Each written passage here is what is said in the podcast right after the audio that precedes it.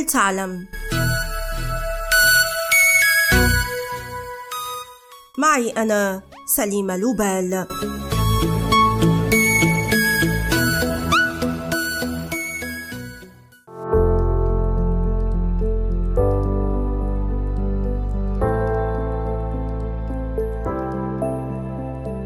NFT هو رمز قابل للاستبدال ومرتبط ببيانات مثل اسم أو صورة أو وصف.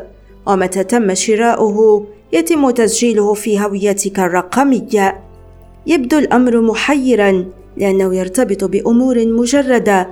لكن هل تعلمون أن العام 2021 شهد ضخ الزبائن لنحو 27 مليار دولار في سوق ال NFT لشراء ألعاب أو أعمال فنية أو تغريدات؟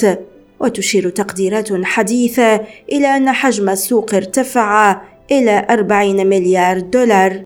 ففي مارس الماضي بيعت صورة رقمية مجمعة للفنان الأمريكي بيبل مقابل 69 مليون دولار. وأصبحت منذ ذلك الحين صورة كل يوم أول خمسة آلاف يوم أغلى رمز غير قابل للاستبدال على الإطلاق أي أصلا رقميا قابلا للتحصيل ويستخدم تقنية البلوكشين لكن لما يدفع الناس كل هذه الملايين من أجل صورة رقمية؟ هل أصيبوا بالجنون؟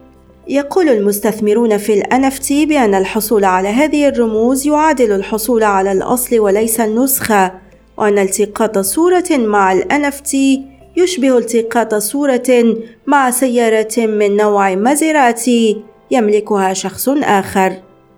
وال NFT هي أحدث فئة من أصول المضاربة خاصة مع تزايد الحاجة إلى أدوات الملكية الرقمية وتوسع حياتنا الافتراضية.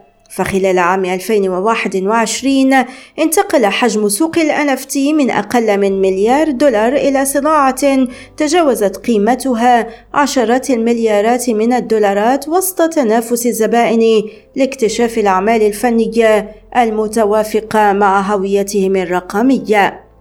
وغالبا ما تكون ال NFT في شكل شهادات ملكية رقمية مسجلة في بلوكشين وهو تسجيل لا يمكن أن يتغير أو يمحى أبدا ويمكن استبدالها في سوق أخرى مقابل العملات الإلكترونية.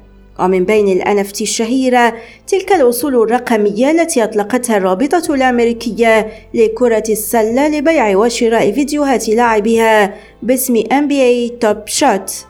ويعتقد الكثير من المؤيدين لل NFT أن السوق ستتطور متى قدمت مجموعة من المميزات مثل السماح للفنانين بالحصول على مداخيل دائمة خاصة وأن بعض ال NFT أصبحت اليوم تستخدم كضمان للقروض.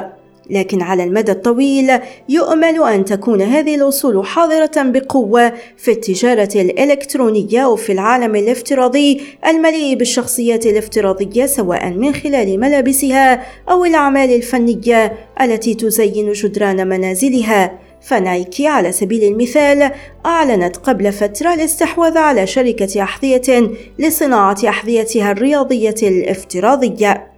لكن مهما يكن يبدو أن مستقبل هذه السوق مرتبط بالإجراءات التنظيمية التي ستقرها الحكومات حول العالم خاصة مع تطور السوق في ظل هواجس من أن يتم التعامل مع ال NFT كعقارات أو أسهم. وإلى ذلك الحين لم تفتح بعد أجهزة الضرائب في الدول الكبرى هذا الملف.